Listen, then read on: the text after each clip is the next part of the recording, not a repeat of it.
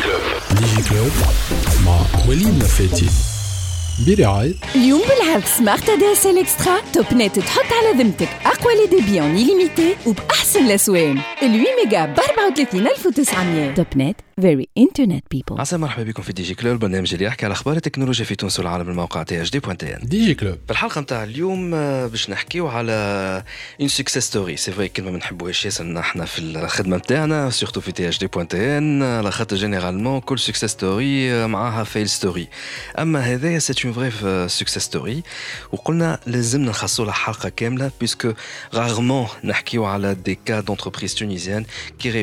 réussissent non seulement في تونس mais زادا à l'international ديجي كلوب بودكاست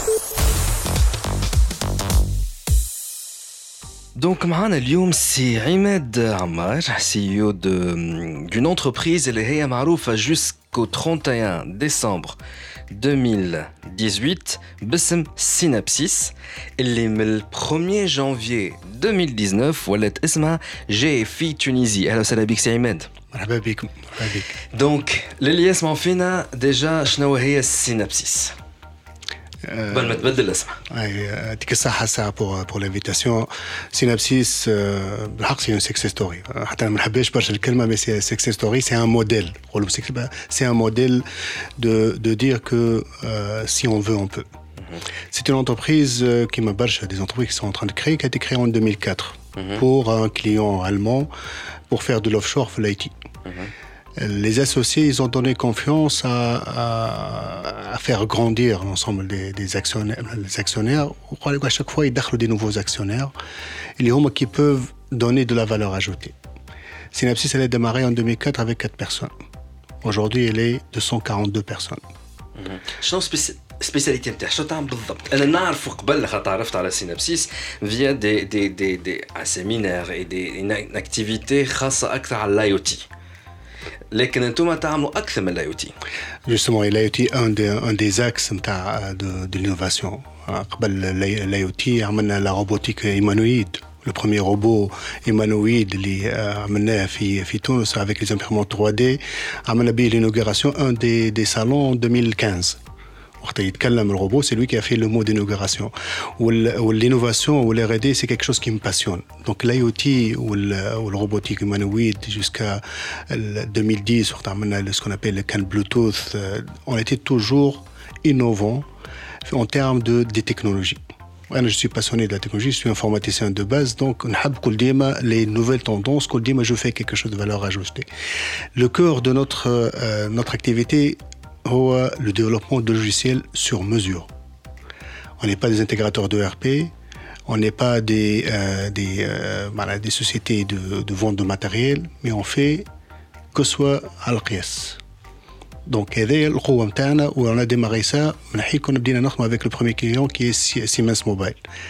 Siemens Mobile كان نذكروا يذكروا تليفونات. هذا 2000 و 2005 سيمنس موبايل اللي تذكر هي تليفونات قلت لي موبايل. هي 2004 هي تحلت سينابسيس 2004 تونيزي في 2004 أيوه 2004 تحلت 2004 في 2005 يافي اللي يتذكروا تليفونات سيمنس موبايل. عملنا لو بروميي كنت نقول؟ معناها سوفت وير ابديت اوفر ذير تليفونات سيمنس نعملوا لا ميزا جور نتاع اللواس نتاعهم وقتها سيمبيان اللي يتذكر بتاتخ انا وليت كبير مي بون نحس بروحي صغير ما مي بدناش ça- بعض على بعض. أي، مي جوستومون وقتها نعملوا لا ميزا جور دو لو اس ا ديستونس فيا الجي بي ار اس وعملنا لو سوفت وير ابديت اوف زفوتا اللي هو فيه برشا غادي برشا انوفاسيون اون ايتي لي ليدر هذه سينابسيس عملتها تونس هذه سينابسيس تونس اكزاكتومون pour le compte de Siemens Mobile à l'époque worldwide Tout à fait, exactement. معناها باش مالغري كو ساعة حكينا في, في اللوف اللي اون في با ترو دو بروي لي سوسيتي كي فون de l'export اون في با ترو دو بروي اون في دو بروي شي نو كليون لا باش نحكيو عليه خاطر هذا بارمي لي سوجي اللي باش نطرحهم عليك بلان دوتر على خاطر هي سي فري حاسه باش نحكيو فيها برشا على على آه، سينابسيس ولا تو جاي في تونيزي وشنو تعمل اكزاكتومون مي il y a eu beaucoup de discussions بناتي انا وياك en off وفيهم حاجات اللي انا بيدي je me pose comme question pour une personne comme moi qui gère une entreprise et, je pense, et les ceux dans le domaine de, de, de l'IT, les start-upers, باش تنفعهم خاطر يا بعد خلينا نقولوا شخصي للعلاقه نتاعك مع سينابسيس وعندك اون اكسبيريونس زاده في الدومين نتاع المانجمنت اي سا سي تري انتريسون اللي خلى سينابسيس ولات اليوم جاي في تونيزي جوستومون لاكتواليتي اللي خلتني انا نقصت عليك ديريكت وقت لقيت الخبير هكا معناها مره مرور الكرام على الباج فيسبوك ان فيت على الكونت نتاعك تصويره قلت Synapsis devient dès aujourd'hui GFI Tunisie. Donc c'est pourquoi j'ai نجري. علاش تبديل الاسم Qu'est-ce qui s'est passé donc, comme un jour l'historique d'une entreprise, peut-être pas par menace, ou jusqu'à février 2018, a été devenu 140 personnes. Donc, après concertation avec l'ensemble des actionnaires, euh, les FO on a décidé de vendre l'entreprise Synapsis au groupe GFI le 5 février 2018. C'est le groupe, c'est français, euh, GFI GFI, c'est aujourd'hui, il est classé quasiment le cinquième SS2I française, c'est français, mais c'est une multinationale aujourd'hui qui est présente dans 20 pays dans le monde, qui fait un chiffre d'affaires de 1,7 milliard d'euros. Donc, il y a un fois 45. Le cours d'aujourd'hui, c'est quasiment 5 milliards, milliards de dinars, avec euh, aujourd'hui 19 000 personnes, consultants, dans 20 pays dans le monde. C'est un, c'est un monstre. Hein. C'est un monstre. Mais, justement, j'ai fait les groupements. bon, maintenant on n'en parle plus. C'est le groupement français de l'informatique. D'accord. C'est le groupement français de l'informatique. Il y a une entreprise très ancienne qui date de mais c'est une entreprise qui s'est transformée les quatre dernières années pour devenir assez rapidement une multinationale. Il n'y a pas n'y a pas plus français que GFI. Groupement français de l'informatique, aujourd'hui, il, y a, il y a une volonté de, de changer cette franco-française uh-huh. en une multinationale, ou vite fait, avec bien sûr avec des fonds qui ont été injectés dans, dans cette entreprise-là, pour faire des acquisitions partout. En 2018, rien que 2018, le groupe GFI, il a fait cinq acquisitions partout dans le monde. Même Tunis. Même Tunis. ولا سي بوسيبل دو سافوار هو هو اللي تعرف اللي هذه سي كيستيون كيفاش انا بالنسبه لي نقول العباد اللي تعرف اون ديزون لونتربريز ايتي فالوريزي ا 1000 فوا دونك العباد اللي تحسب دي بوف فوار دونك هذه ميل فوا راهو دون دون دون لو بيزنس عطيني جيب لي ان بيزنس كي بوف فالوريزي لونتربريز في 10 سنين ميل فوا خاطر ان فيت سينابسيس هي عمرها ما عملت اون لوفي دو فون ولا حتى شيء سي جوست بالري انجكسيون نتاع المرابيح نتاعها باش تزيد تكبر روحها 10 سنين بعد 10 سنين تلقى لا فالوريزاسيون نتاعها a été mille fois. Exactement, tout à fait. وهذايا نرجع نقول انا نقول l'entreprise راه كيما البيرسون فيزيك l'entreprise كيف تعطيك يلزم تعطيها ولي اسوسيي à chaque fois il y aura des dividendes ما يخرجوش des dividendes ils injectent dans le capital, ils font des augmentations de capitaux. plus ou moins C'est quelques millions d'euros. Quelques, quelques millions d'euros. quelques millions d'euros. quelques millions d'euros. En tout cas, euh, Synapsis, c'est une société euh, tunisienne et donc Tebra un groupement euh, international. Euh, tellement elle a réussi, Jet GFI carrément, elle a acheté et euh, est une petite entreprise est valorisée plus de mille fois. L'entreprise, c'est pour vous dire à nous l'importance. Tu continues انك تخدم على السوسيتي نتاعك pour la valoriser plus de mille fois c'est quand même quelque chose mais زاد كان انت زاد معنا موجود اليوم على خاطر جي بلوس جي في بلوتو سينابسيس ما كانش تستنى في جي في باش تكبر هي ديجا كانت كبيرة قبل ما تجي جي في وهذا باش نحكيو عليه كيفاش زاد أنت زاد وصلت دان سامبل انتر كيمي شيف دو بروجي وليت سي أو نتاع سينابسيس تونيزي اللي هي ولات توا جي في تونيزي أما كله بعد لا بوز اون تو سويت موبايل اند اي تي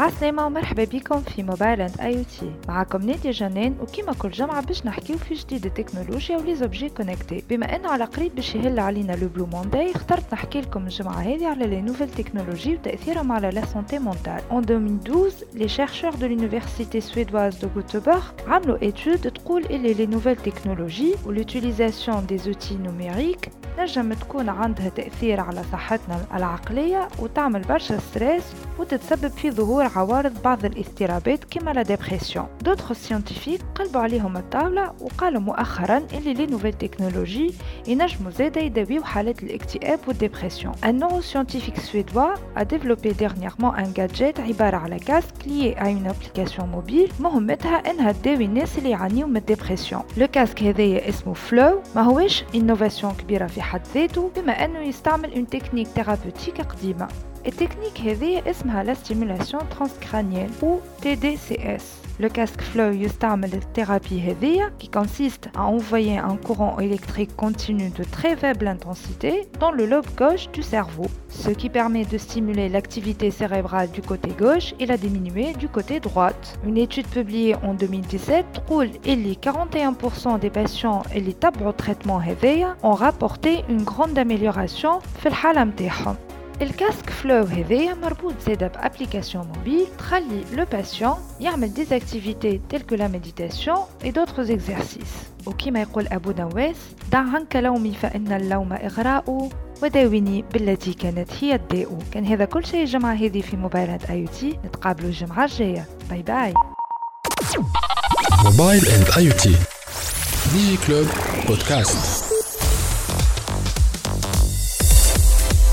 biri ait نت very internet people رجعنا معكم دونك في دي جي كلوب وكما قلنا معنا سي عماد عمار سي او دو سينابسيس تونيزي اللي تو ما عادش اسمها سينابسيس ولات اسمها جي اف اي تونيزي بيسكو لو جروب جي اف اي ا راشتي سينابسيس ولات ابارتير من 1 جانفي 2019 دونك توا توا ولات اسمها جي اف اي تونيزي ديجا اللوكال نتاعكم موجود في البرج دو لاك كما شغلت اكزاكتومون بحث البورصه نتاع تونس بحث البورصه نتاع تونس تبارك الله بني ريتها تبارك الله اي سي اسي بارادوكسال على خاطر قبل ما تخطوا البنية هذيك تقريبا 10 سنين تالي ولا أكثر شوية كنتوا وين؟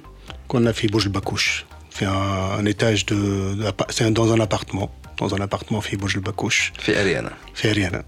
فوالا كيفاش بدات سينابسيس Ça, ça m'intéresse. Alors, خاطر قلت لي c'est très intéressant. Bon, هي سينابسيس كيما كيما chaque entreprise معناها تحل une société qui a démarré avec quatre personnes qui travaillent pour un projet euh, pour un premier client.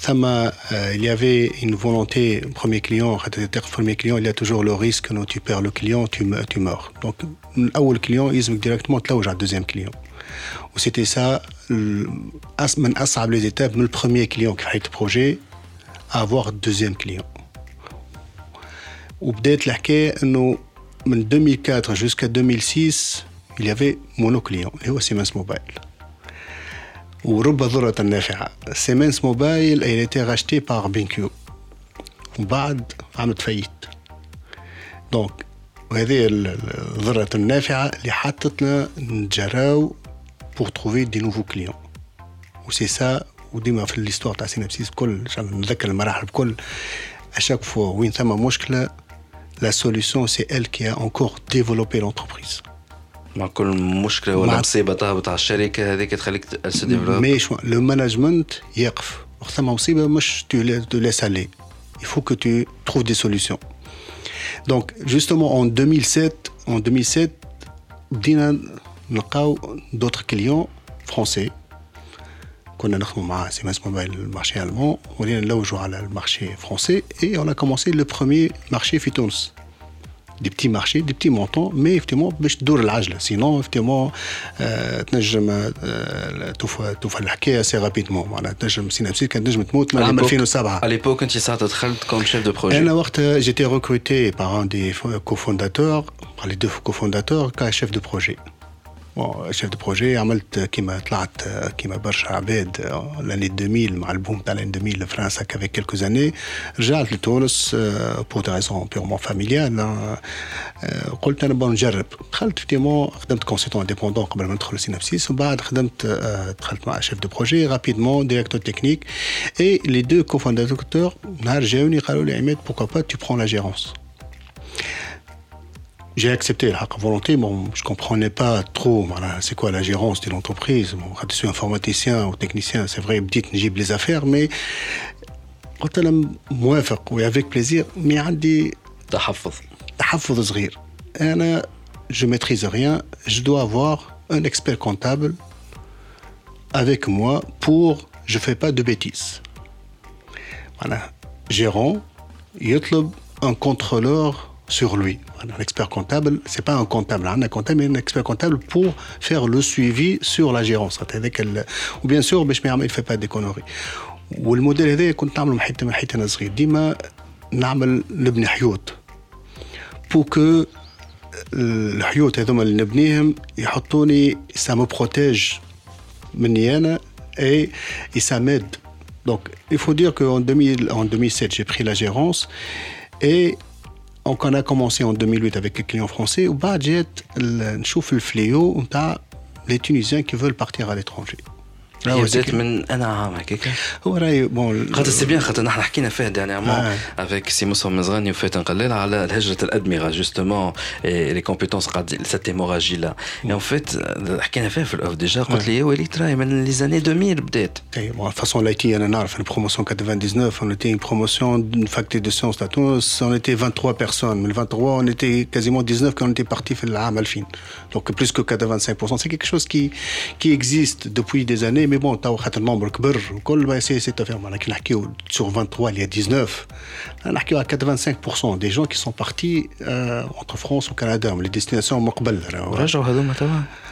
والله من اللي رجعوا من اللي رجعوا ليونا ليونا موا اجوردي انا رجعت ليونا ثم تزوز رجعوا وعاودوا عاودوا مشاو ايزون في كيكو كيكو زاني ومعايا انا il y a il y a encore une autre personne اللي هو رجع رجعوا avec des projets معناها avec des grosses valeurs ajoutées ثم شكون s'est installé jusqu'à aujourd'hui il s'est installé avec leur famille ثم شكون ils ont lancé quelques petits projets في تونس mais ça reste قاعدوا غاديك تعرف هذوما بالجماعه اللي يخرجوا une fois tes enfants ils ont été scolarisés quasiment tu peux plus retourner تولد ما عادش عندك لو فران سي با البروبليم دو لونغ ثم ليكول فرونسيز وثم ليكول كنديان وامريكان موجودين الكل مي ولات effectivement beaucoup plus les enfants l'environnement comment on va voir ça va être compliqué معناها اللي يحب يرجع قبل ما les enfants قبل ما يبداو سكولاريزي خاطر fois سكولاريزي هما les enfants ne veulent plus revenir فهمت ونوليو نعيشوا كيف عندنا صغار نوليو نعيشوا pour pour nos enfants bref donc en, en 2008 رجع الفينومين انه les gens qui veulent partir à l'étranger وقلت bon, aujourd'hui, on a un produit qui s'exporte tout seul, qui ne demande pas de marketing, qui ne demande pas d'investissement. Le seul investissement, c'est de créer une filiale. Une filiale fait Maintenant, la majorité qui partent en France. Donc, on a créé la première filiale de Synapsis, Toncé, fait France en fin 2008. Mhm. Les premières prestations qu'on a, qu a commencé, ça a démarré quasiment en 2009 ou peut-être on quelle expansion. Donc j'ai compris que tu as un produit exportable facilement, que les gens ils sont rattachés aux entreprises tunisiennes, au management tunisien, même la Twins, وكيفاش نقولوا الزيتونه اولى نمشي للسد الزيتونه اولى بك exactement par rapport à ça donc وحسينا اللي quand il y a des consultants qui travaillent avec toi pendant 4 ans ou 5 ans يقعد تقول ديما rattaché وكل donc بدات la première filiale علاش تقول ديما رب ضرة نافعه quand tu trouves un phénomène il faut l'exploiter et il faut pas dire non on ne sait pas faire par contre ceux qui, qui résistent, on ne peut pas résister devant un courant qui, euh, qui fait. La baie de il y a pas mal de personnes qui sont revenues aujourd'hui, qui sont revenues avec des activités fitons. Mm Donc c'est ça le plus important, c'est que tu as tes consultants qui évoluent, tu as force à l'échelle internationale, dans ta filiale, ou tu as مرحبا بك اجا effectivement, mais ne revient pas à son projet. Donc, il faut le retour avec une activité, tu as 7, 8 personnes, 10 personnes, mais un, leur niveau de salaire ne baisse pas énormément, qui est d'ailleurs une activité, donc tu peux te permettre de tâter un bon salaire Fitons. Il y a avec un portefeuille de référence assez important, où finalement on n'a pas besoin que tout le monde y revienne, il n'y a pas assez de, place. Dire, de, de, de place, voilà, il n'y a pas assez de projets, on n'a pas pour faire ceci. Donc, le filiale Loulani, on a commencé à avoir même des projets, des références sur des ministères français. Donc, on a commencé à gagner même des, des marchés. Ces marchés-là ont été faits avec ce qu'on appelle des one team, des équipes en front office, des équipes en back office. وحكيتها لك انا ساعه في الاوف سي كو ان دي سالون في تونس جاني ان مينيستر قال لي انتم اللي تابعين سي محمد عنوشي على ليبوك يذكروا بالخير انتم تابعين لونتربريز فرونسيز قلت له لا l'entreprise française c'est notre filiale سي با دوني مش معروف في تونس انا تونس يكون عندها دي فيليال برا فمش برشا توت افي توت افي حق انت قلت لي ديجا حتى في الاوف انكور خاطر ريالمون الحلقه هذه جايه من ديسكسيون طويله في الاوف قال لي ان فات راهو فما راهو دي كا وشركات التوانسه اللي هما عاملين دي فيليال برا لكن ils ne communiquent pas على خاطر الاكتيفيتي نتاعهم ماشي على الاوف شورينغ دونك سا لي انتيريس با دو كومونيكي على في تونس. وليا دي سكسيس ستوري الحق كي الحق كي# كيعظم الرأس. التوانسه je connais des noms aujourd'hui qui sont soldés des entreprises qui font 30 millions d'euros, 28 millions d'euros de, de, chiffre d'affaires. Aujourd'hui, ils font tout, mais ils ne font pas de bruit parce qu'ils ont leur marché. Tu ne peux pas avoir. Il y a des gens qui ont des marchés euh, en Chine, au Canada, aux États-Unis, ou en France, ça fait Allemagne, qui ont 1 million de Tunisiens à l'étranger. De 1 million. Il y a 3 millions. Il y a au moins, au moins 10 000 de success story متاكد mais qui font pas de bruit ويجيو يعديو vacances بيناتنا وما نشرقوش به Ça, c'est bien. En tout cas, si, euh, si Madame CEO de Tawa, GFI Tunis, donc euh, Synapsis عملت euh, قلت فيليال في آه فرنسا وزاد عملت فيليال في في المانيا عملت هو عملت البريمير فيليال في فرنسا ومن بعد زادت دوزيام فيليال في فرنسا أه. علاش؟ هذه نعطيوها بتيتخ لانسبيراسيون لي جون انا ديما مقتنع انه الاكسيوناريا كالعرس اون فوا دخل معاك شريك راهو قول عليك مع الرستو. جوستومون جبتها وجيت على خاطر هذايا السؤال اللي هذا الباب شي حالي بلوتو باب آخر اللي باش نسأل فيه سؤال اللي باز برشا ناس تسأل فيه. آه جو بوز لا كيسيون توا خلينا نخرج بوز وبعدها جو بوزي لا كيسيون نخرج بوز وأنا راجع. ديجي كلوب بودكاست برعاية توب نت فيري انترنت بيبل رجعنا معكم في دي جي كلوب وكما قلنا معنا سي عماد عمار سي او دو جي في تونس دونك ملي سينابسيس اون بتيت انتربريز اللي كبرت كبرت كبرت عملت دو فيليال في فرنسا زاد كبرت اكثر عندها دونك الكوميرسياليز برشا سي برودوي في في في الاوروب شخلى جي في لو جروبمون انترناسيونال جي في جي في اول 2018 a racheté toute l'entreprise tunisienne. C'est ce qui explique que les Synapsis est devenu de depuis le 1er janvier 2019 GFI euh, Tunis ودونك قبل البوز حكينا على كيفاش كبرت هالونتربريز هذايا وعلى حكايه الاكسيوناريا وقلت باش نسال سؤال وقلت خلينا نسال السؤال هذايا بعد البوز اون فيت سي اون كيستيون اللي انا انا ومروان الضميدي مسي بالخير في في ستارت اب ستوري كنا باش نحكيو عليه آه ما سهلتش الظروف و موا ميم كوم شيف دونتربريز اي جو بونس اللي يسمعوا فينا اللي ناوي يحب يعمل البروجي نتاعو ولا حتى اللي آه ديجا عنده ستارت اب نتاعو يسمع فينا كلهم كلنا ان فيت اون سو بوز لا ميم كيستيون يا اخي سهل للدرجه هذيا نمشي نعمل انا شركه ونجيب نامبورت كي في الاكسيوناريا معناها كومون فير pour ne pas faire l'erreur أني ما ندخلش معايا في الشركة ما يكون حتى يكون صاحبي على الآخر ونتفاهموا على الآخر مليح. لكن في الآخر ما تمشيش الأمور قول بيزنس الكورة ما بيناتنا ما يتعداش. وهذيك لي ريبركسيون بتاعهم على البيزنس خايبة على الآخر. كيفاش نعملوا والوالد يذكر بالخير كان قبل يقول لي الشركة تركة وجرب يعدي. إي. سي با فري سي با فري مو جو الشركة اجوردي إذا الشركة تعاونك باش تكبر الجاتو وتاخذ بتي مورسو في ان غران جاتو خير من تاخذ الجاتو كامل. لكن علاش انت انت خاطر قلت حكاية هذه أنك تجيب شكون يكون في الاكسيوناريا سي ان بو انك فو كري افيك لوي اون بتيت انتربريز سي ان بو كوم اون بيريود دو فيونساي فسرنا هالكونسيبت هذا نتاعك جديد هذا اول مره نسمع به بون هو كيما قبل العرس لما لي فيونساي يتعرفوا الكوبل مع بعض نشوفوا اسكو لو كورون باس اون فوا سي بيان ماشيين للنيه نتاع العرس على بالك كيف سو فيونسي ماشيين للنيه نتاع العرس ماتنون ينجم في الاخر وفينال ما يصيرش العرس مي لا بيريود دو فيونساي في الموند دو بيزنس il y a deux, deux modes de fonctionnement de la fiançailles. Un, quand tu as un collaborateur qui est assez brillant chez toi وخدم معك ثلاثة أربعة خمسة سنين Donc, tu comprends le, le, le, le, le business avec du handshake. L'actionnariat, c'est vraiment la confiance. أهم حاجة هي الثقة. والثقة بتعرف العبد اللي ما تخدم معاه وتعيش معاه وكل.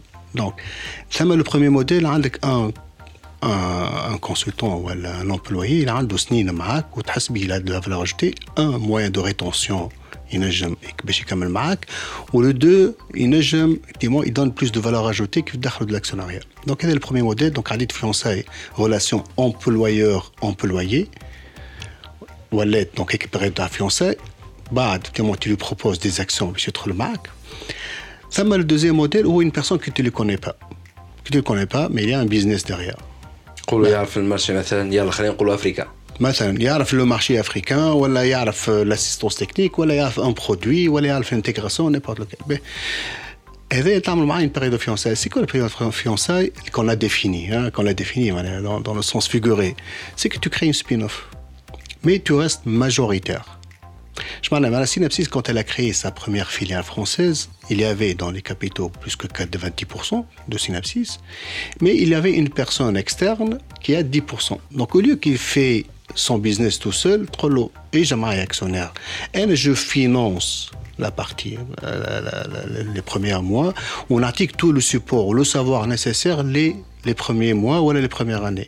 Et tu peux augmenter mon actionnariat dans, dans ton spin-off. اين فوا نوصلوا ان تاي ليميت داكسيوناريا مرحبا بك في الهولدينغ avec des techniques de valorisation اللي هما معروفين تعملوا فيهم en amont. ولكن سي عماد هذايا بور لو كا تاع سينابسيس à l'époque سينابسيس تو كما قلنا ولا جاي في تونس تونيزي على غان سوليد معناها تبارك الله خاطر عندها فلو دو تريزوري فلوس داخله خارجه تخدم على المارشي اوروبيان مع تحت الدينار بلا بلا بلا بلا بلا بلا مي كوميم بور اون بوتيت ستركتور موجوده في تونس سي سورتو اون ستارت اب ce n'est pas une chose facile de créer un spin-off وانك تعمل شركه اخرى باش تستي بها الاكسيونير الجديد هذا والله تحب تسهلها تسهل تحب تصعبها تصعب انا سينابسيس عمرها ما كانت تراو لي غان سوليد وسينابسيس سيتي une start-up ou une vraie start-up qui a démarré avec un capital de 10 000 dinars وعمرها ما كانت لا فيليال سبين اوف كي كوتي انورميمون شير نعرفوا الكرياسيون دي لونتربريز سا كوت 1000 اورو باش تحلها اي ان كونتابل par rapport à ça. C'est ça. Finalement, c'est une action très simple. Mais الاسم كبير نقولوا فيليال سي فري فيليال مي فيليال avec une entreprise qui fait même pas 10 000 euros de chiffre d'affaires qui 20 000 euros de chiffre d'affaires c'est pas une filiale هذا لو سول موان كي ثم الباكت اكسيوناريا وثم لي ستوك اوبشن تعرفوهم سيغمون العباد الكل مي هذاك ما تشوفوش العبد في الواقع وما تنجمش هذوما يوصلوك ان ريزولتا تري رابيد سبين اوف تي لو فوا لا بيرسون اون اوبيراسيونيل تعطيه تطلق له جوانحه تقول له يحطه هو لو ديريكتور جينيرال دو سيت فيليال تحطه هو لا مان ليبر تعطيه تو لو سيبور سيرت مي tu lui donnes يحس انه سي سون بروجي ولكن فما ريسك انه يكسر لك البروجي انه يمكن يعمل لك مشاكل اللي انت في غنى عنها Avec justement la filiale, c'est quoi la filiale C'est société à responsabilité limitée. Cela veut dire que le jour où, effectivement, ça passe pas, bien sûr, tu as le contrôle puisque tu es majoritaire. Donc tu supervises. Tu as du commissaire, commissaire au compte, tu as un expert comptable. On ne parle pas des gros montants, on parle des, des petits montants. Mais le projet lui-même, il est intéressant. Tu as un projet d'actionnaire, 3000 euros, 10 ملايين 15 مليون مش كلف لي 20 مليون مي او موان نضمن انه الاكسيونير نتاعي عرفته ولينا عيشه ملح ونسيتو خير اللي ندخلوا اكسيونير في الهولدينغ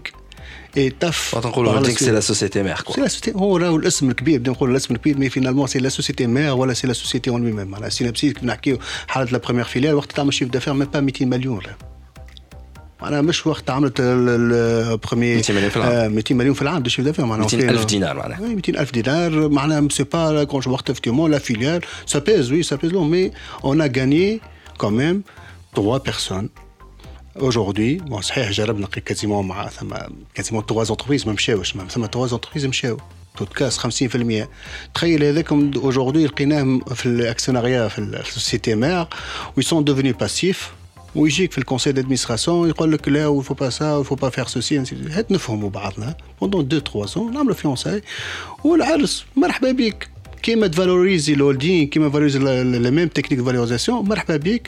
سا سوغا اون فيليال 100% وهذاك هو اللي صار. من هذاك باش نحلوا موضوع آخر خاطر باقي اونكور هذا في لي ديسكسيون تاع الاوف من الاكسبيريونس نتاع سي عماد عمار اللي خلات دونك سينابسيس قبل ولا تو جي في تونيزي كبرت ووصلت اللي وصلت له. C'est aussi grâce à une technique managériale ou à une technique de gestion, disons, dans l'entreprise, et que j'ai trouvé assez intéressante. Mais la pause et on revient tout de suite. En direct d'Alger. Bonjour, bonjour. En direct d'Alger avec Abdelafir Khnishta. La ZAL prépare son programme spatial 2020-2040. Le projet de loi relatif aux activités spatiales a été adopté par le Conseil des ministres qui s'est réuni le 27 décembre dernier sous la présidence du président de la République Abdelaziz Bouteflika. Selon un communiqué de ce Conseil, le projet de loi adopté par le Conseil des ministres dispose notamment que les activités spatiales sont du monopole exclusif de l'État. Il institue également l'obligation d'immatriculer les objets spatiaux lancés par notre pays. Le texte édicte aussi la responsabilité de l'État en cas de dommages découlant des activités spatiales ainsi que les mesures à prendre en cas de retombée d'objets spatiaux sur le sol national. Le Conseil précise que le domaine de l'espace revêt une importance stratégique, rappelant que l'Algérie est signataire de trois traités internationaux imposant des obligations aux États par rapport à l'exploration de ce domaine. Il a affirmé que l'Algérie est désormais un acteur dans l'espace avec la création de l'Agence spatiale algérienne. AZAL. Il est à relever que le bilan du programme spatial algérien 2006-2020 a été qualifié de positif par le directeur général de l'AZAL, Asdin Ousdir, qui a fait savoir que depuis 2002, date de la mise en place de l'Agence spatiale algérienne, une ressource humaine importante a été formée, passant ainsi de 100 chercheurs et ingénieurs à 600 actuellement. Nous devons entamer la réalisation d'un nouveau programme 2020-2040 pour acquérir une indépendance absolue concernant les technologies spatiales, a-t-il ajouté saluant les décisions stratégiques prises par le chef d'État pour conforter le rôle de l'agence qui existe depuis 15 ans. Le DG de la ZAL a indiqué que l'Algérie dispose actuellement de 6 satellites, dont 4 d'observation de la Terre et un expérimental.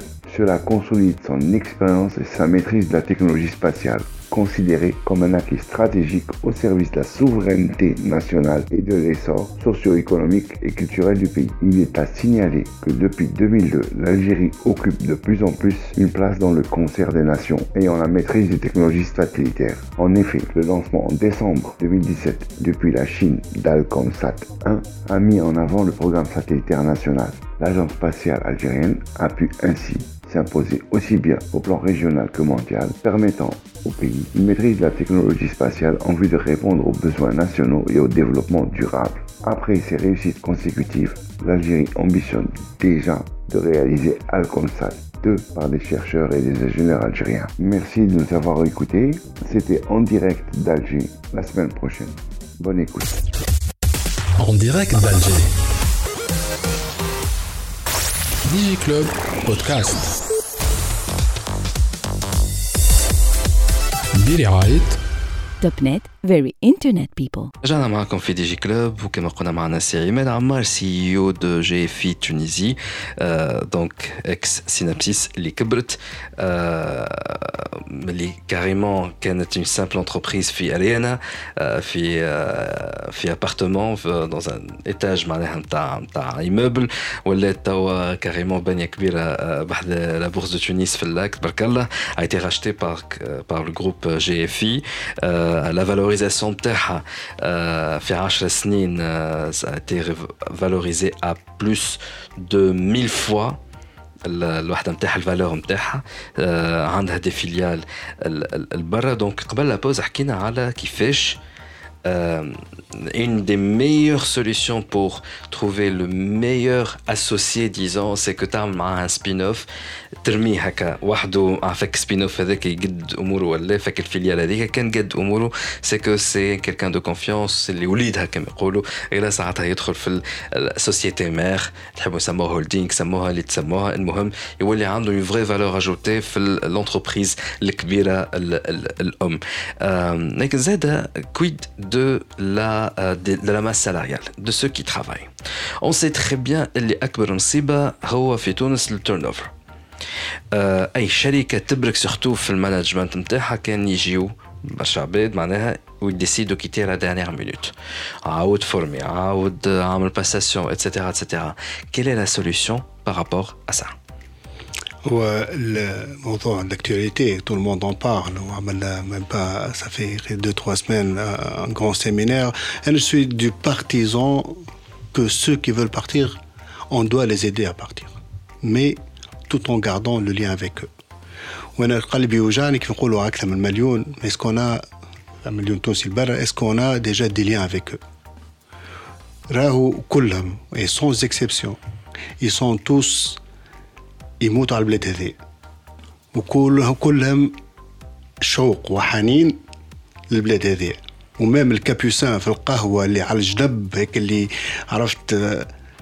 كيف تشوف اون بيرسون في نيويورك وتذكروا بهيك الكابيوسان دمعته قريب تهبط كون سوا كلير نت يحبوا البلاد هذه بصفه غريبه وهذه اون با اون تران ديكسبلوتي معناها افون بارابور سا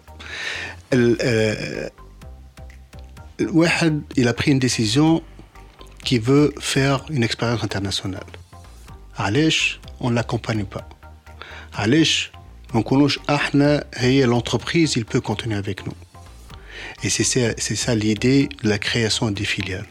كيف عندك عباد تحب تمشي لألمانيا كيف عندك عباد تحب تمشي لكندا D'ailleurs, le projet initial, mis à part France ou Allemagne, il y avait un projet sur le Côte d'Ivoire, sur l'Algérie, ainsi de suite, par rapport à ça. Pour tous ceux qui veulent faire de l'expérience internationale, c'est du كملوا معنا ومرحبا بهم و وحتى لو كان بعد il a voulu changer d'autre boîte c'est pas grave il a il a continué l'histoire avec nous وهذا حتى nos synapsis jusqu'à aujourd'hui le turnover c'est pas quelque chose qui, qui le fait peur خاطر نعطيك الكا exemple cette année cette année on a fait un recrutement de 161 personnes 2018 من 161 on a reçu plus que à peu près 80 départs 80 départs il y a les départs réels c'est 32 mais les, les 48, ils sont devenus salariés dans notre groupe GFI. Mmh, ça veut dire à l'international À l'international. Singapour, c'est la volonté de la mobilité internationale de GFI. Ce n'est pas seulement pour la Tunisie. C'est le Portugal, c'est le Maroc, c'est l'Ukraine, tous ceux qui veulent faire la mobilité internationale, mais rester dans le groupe. Mhm. Restez dans le groupe. Warja avec une activité, fais ton expérience, fais si tu veux faire de l'argent, si tu veux faire. Kif kif, les raisons, aussi un Marouf, le forum, les fêtes, il a, il, a, il a touché le doigt sur le fait que la bête, quand ils partent, ils partent parce que c'est pas seulement de l'argent. C'est vrai, l'argent, mais ah, Abed, Amour, ma sève, je me bled, ma chef, je تلقى أول مرة يمشي يسافر يخرج لبرا في حياته على بور سو برومي امبوش لبرا هات إحنا نخدموا على دي بروجي انترناسيونال. هات تعطيه يشوف العالم ونشوف الكل. وسي لا فولي سانستالي في فرنسا ولا في كندا ولا في ألمانيا الكل خليه سانستال مي كونتيني افيك نو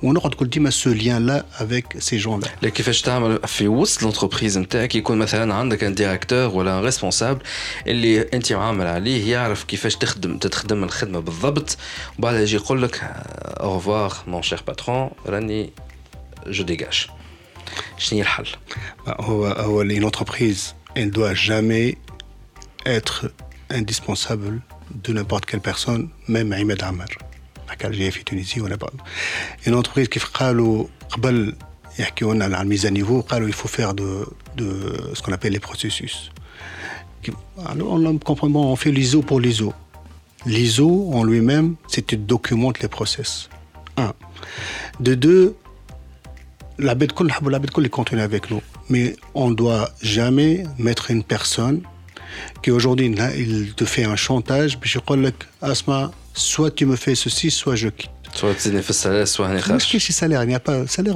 Finalement, salaire, ben, je mieux fait. S'il est rentable, je me dis, bon, les sociétés de services, ils savent très bien. Société de services ne peut jamais faire une marge plus que 15%. Et d'accord, société de services, a une marge à 15%. Ça veut dire qu'elle est en train de très mal payer ses salariés. Ça m'est, c'est-à-dire, une société, elle est plus que 15% de rentabilité par rapport à son chiffre d'affaires société de service ça veut dire elle est en train de très mal payer ses employés ah bon c'est clair, c'est worldwide, c'est quelque chose qui est connu. انت تعمل chiffre d'affaires milliard صورت صورت اكثر من 150 مليون راك قاعد tu exagères خاطر aujourd'hui les cautions تحب تربح برشا exactement هذا نقصوا شويه سيرج نقصوا شويه on partage la richesse et on donne société de service c'est quoi l'investissement c'est dans les ressources humaines et ces gens-là qu'on doit les motiver et ces gens-là qui doivent être euh, bien payés. Donc, la mise en place des processus et des solutions de backup, c'est quelque chose, c'est un souci quotidien.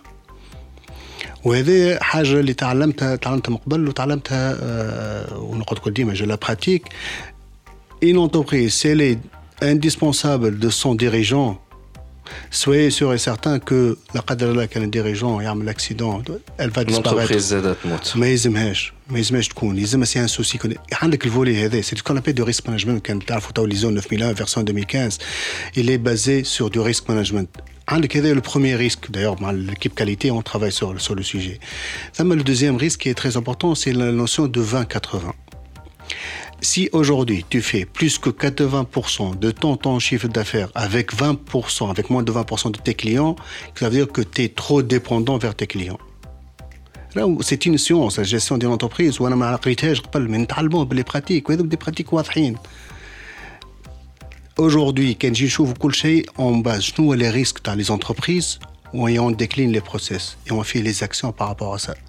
Mais je l'entreprise, n'importe quel risque, nous chauffe, des risques, nous des risques, nous chauffe, mais l'amélioration continue, l'ISO 9001 version 2015 basée sur le risque, ou bien la management, il à chaque fois tu vois le risque et tu valorises, tu fais des actions derrière, ou tu le suivi des actions, et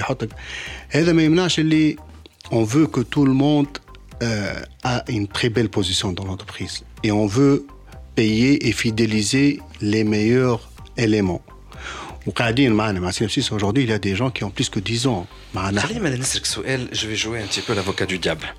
آه كي يكون عندي ان سالاريي اللي هو آه تلمون il est maturité عارف خلينا نقولوا الخنار الكل نتاع لونتربريز بالباهي وبالخايب نتاعو معناها عنده ست اجيليتي لا توا انه قدام اي مصيبه اي مشكله خاطر عارف بالضبط بالدقيقه والشقيقه والرقيقه واللي تحب عليه الكل كيف شنو اللي فما وما فماش في لونتربريز اي دوكو عنده سو بوفوار انه يلقى لك الحل انستانتانيمون اسكو هذايا سي ان افونتاج والا سي ان انكونفينيون بور لونتربريز تشوفوا لي دو سي ان افونتاج سي دو ريسك que Clément il maîtrise tout, mais est-ce qu'il y a d'autres personnes qui, maîtrisent tout ça? Si tu trouves qu'il y a d'autres personnes qui maîtrisent, y compris... Est-ce qu'il devient manière hein, dans, ouais. dans ma façon de penser, je me dis, c'est bon, j'ai quelqu'un, il est là, je vais le faire, Et donc c'est un peu ma, boîte, la boîte noire de l'entreprise. Est-ce que c'est à éviter? Ah ouais, c'est ma boîte noire, ça ne doit pas exister dans l'entreprise. Il ne doit pas y avoir. Tout doit être documenté, clair et net. نهار تولد عندك دي بوات نوار تفوت تبوزي لا كيسيون خاطر انت وصلت للبوات نوار الحل اللي ديما ديجا تلقاه انا نقول ديما نقول لي ديريكتور عندك une personne indispensable si tu sais si tu, tu as donné la main à ce que tu n'as pas documenté ce qu'il est en train de faire ou tu n'as pas mis le process au moins le jour où il, il, il part ولا يعمل لك شونتاج n'importe quel لازمك تشمر على ذريعاتك وتهبط une fois ما هبطتش عرفت روحك انت راك بعيد افهم اللي t'as pas travaillé donc, le fait de travailler, il faut maîtriser le tout. مش لازم كل شيء. C'est vrai, il y a des gens qui sont dans l'opérationnel, qui mais il faut que les directeurs ou les managers, ils doivent, ils doivent avoir un plan B, plan C. plan B, plan C. Dis-moi, plan B, plan C. Il y a des gens aujourd'hui, effectivement, les شركة واقفة عليه نقول سينابسيس aujourd'hui واقفة peut-être على une quinzaine de personnes. Les piliers اللي عندهم بالعشر سنين معاها وكل. Mais هذا ما يمنعش اللي l'entreprise ماهيش واقفة عليه. ou, même s'il y aura n'importe un séisme dans l'entreprise, elle ne doit pas euh, couler. Elle ne doit pas être coulée, elle doit pas, doit pas être affectée. كيف تخدم انت على le risk management sur les clients, sur les collaborateurs, sur les directeurs, sur les machines كيفاش ما تمشيش مع فورنيسور واحد برك. انا نحكي مع واحد يقول لك انا لقيت ان فورنيسور كي هي لو موان شير مي مالغي تو سا ماتيغ بروميير مالغي تو سا قعدت ناخذ من عند واحد آخر واحد في في إسبانيا وواحد في إيطاليا كي كي كي شير مي جو كونتيني اشتي دو لوي علاش زعما على خاطر نهار اللي الاسبانيولي هاد موان شير يقول له اسمع أنا باش نطلع لك 40% بور تروفي لا ماتيغ بروميير مرة أخرى باش توقف البرودكسيون تاعك. تقول أنا نعمل دو فورنيسور وناخذ من عندهم الزوز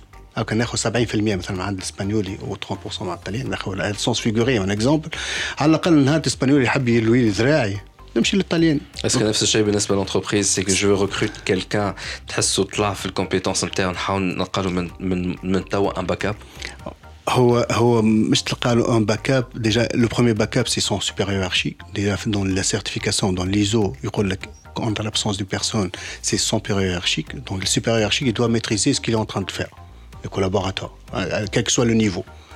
انا كيف يخرج كيف نخرج انا دونك ثما كي مو ديليك كيف يخرج ان ديريكتور اوبيراسيونيل il y a des gens qui le délèguent اللي هو عارفه généralement c'est ça donc le risque ديما موجود mais il faut le travailler est-ce que le risque là est minime par rapport les opérationnels de tous les jours وهذا c'est quelque chose de quotidien الحل ثم الحل واحد اخر انه c'est pas le cas aujourd'hui de GFI, on est, on est à 100%, c'est que quand tu trouves des gens qui peuvent donner de plus à l'entreprise, qui ont cet engagement, qui vont avoir, tu peux le faire rentrer, l'intéresser dans le capital.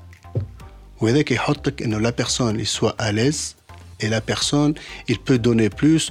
Ou mais il soit euh, il soit un pilier euh, mais pareil mais je connais le pilier il de 50% ou 60% de l'activité. Ou bien sûr l'entreprise a de l'activité RH a de l'activité commerciale l'activité euh, l'activité opérationnelle l'activité finance l'activité logistique ainsi de suite. Tout ça donc bien sûr tu, tu dois mutualiser. Quand tu mets un organigramme un organigramme homogène. C'est pas grave. Mm -hmm. Très bien. C'est Ahmed Ammar, CEO de Tunisie. Euh, merci beaucoup d'avoir accepté notre invitation.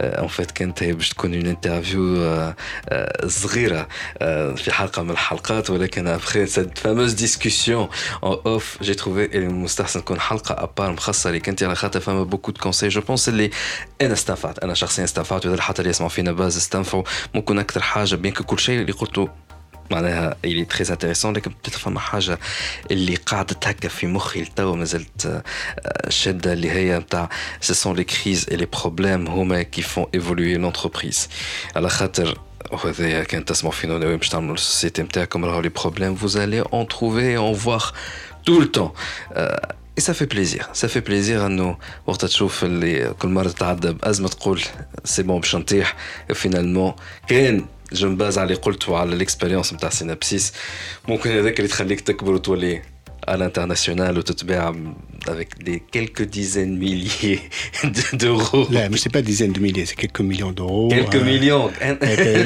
هو الحق الفالوريزاسيون سي فالوريزاسيون اللي معناها كوريكت par rapport à ça. لا لا quelques dizaines de milliers. لا لا الحمد لله الحمد لله mais للصغيرات كيفنا نحن. Il faut y croire, il faut y croire. Ça trône, c'est que le monde de l'IT le monde de l'IT, c'est qu'il peut y avoir des excellents résultats. Par contre, il faut bien travailler ce secteur. A idée de projet, avancer sur un seul projet. هذاك اللي يعمل او ضريبه اي تي وضريبه فلاحه وضريبه كذا وضريبه كذا concentrez-vous dans un seul métier اللي تعرف تعملوا الاخر يدخل اكسيونير مش مشكل tu veux miser حط عباد اخرين du domaine تحب تعمل فلاحه تدخل un ingénieur agronome هو majoritaire وانت tu l'encourages si tu as de métier de l'IT il y a énormément d'argent il y a énormément d'international. La reconnaissance aujourd'hui, GFI Tunisie, il a de reconnaissance dans le groupe. On était acquis en février 2018 le management com du groupe GFI a été réalisé Fitons. La confiance, six mois après, a été réalisée. Il y a 80 directeurs de GFI partout dans le monde qui ont fait leur management com Fitons.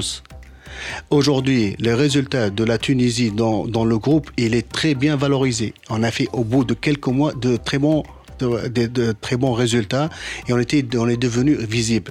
Là, il faut y croire. C'est ouais. pas la mer à boire, qu'on soit clair, c'est pas la mer. Un dernier conseil, un ça me fait كولوا قيس. كولوا قيس. ما ما ما نعملوش هذاك لو بزنس بلان سي بيان دو فير بزنس بلان سي سويت مي وقت تلقى روحك ما تلحقش كولوا قيس. أبدأ شوف أبدأ أوزن. ديما دوزن هذا الشيء توصل. سي عماد عمار سي أو دو جي في تونيزي. ميرسي بوكو هذا اللي عندنا جمعة في دي جي كلوب. ملتقانا الجمعة الجاية باي باي دي جي كلوب. دي جي كلوب مع وليد نفاتي برعاية اليوم بالعرض سمارت دي اس ال إكسترا. توب نت تحط على ذمتك أقوى لي ديبي اون ليميتي وبأحسن الاسوان ال 8 ميجا ب 34900 توب نت فيري انترنت بيبل